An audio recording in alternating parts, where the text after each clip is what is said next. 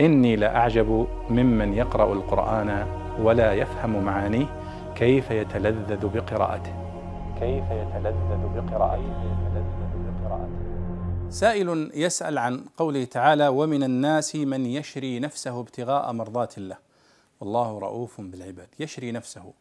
يقول ما معنى يشري نفسه? فالجواب أن يشري هنا بمعنى يبيع نفسه. ومن الناس من يشري نفسه يعني يبيع نفسه في سبيل الله.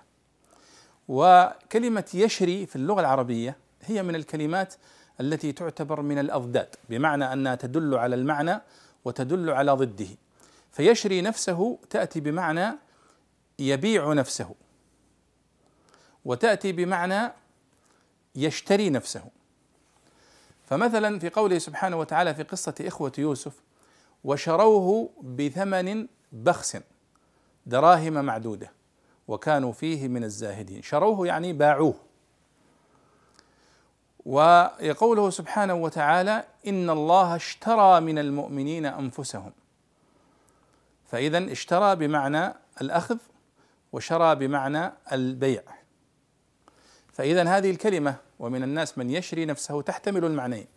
تحتمل أنه يشري نفسه أنه يبيع نفسه في سبيل الله. فهو يدفع السلعة وهي نفسه التي بين جنبيه ويأخذ رضا الله سبحانه وتعالى والجنة. كما قال في سورة التوبة إن الله اشترى من المؤمنين أنفسهم وأموالهم بأن لهم الجنة. يعني هذه المقابل. فاشترى بمعنى أخذ وشرى بمعنى باع.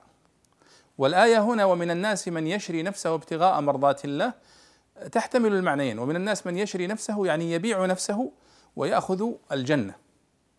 أو بمعنى أنه يشري نفسه يعني يشتريها لأنه إذا اشترى نفسه على الحقيقة فشراء نفسه على الحقيقة هو بذلها في سبيل الله. فهي يعني تحتمل المعنيين. ومن الناس من يشري نفسه ابتغاء مرضات الله.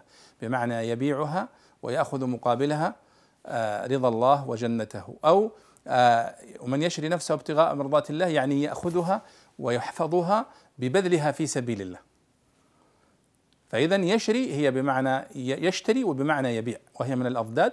وفي كل سياق من سياقات التي وردت فيها تستطيع أن تقول هذه بمعنى باع وهذه بمعنى اشترى بمعنى أخذ.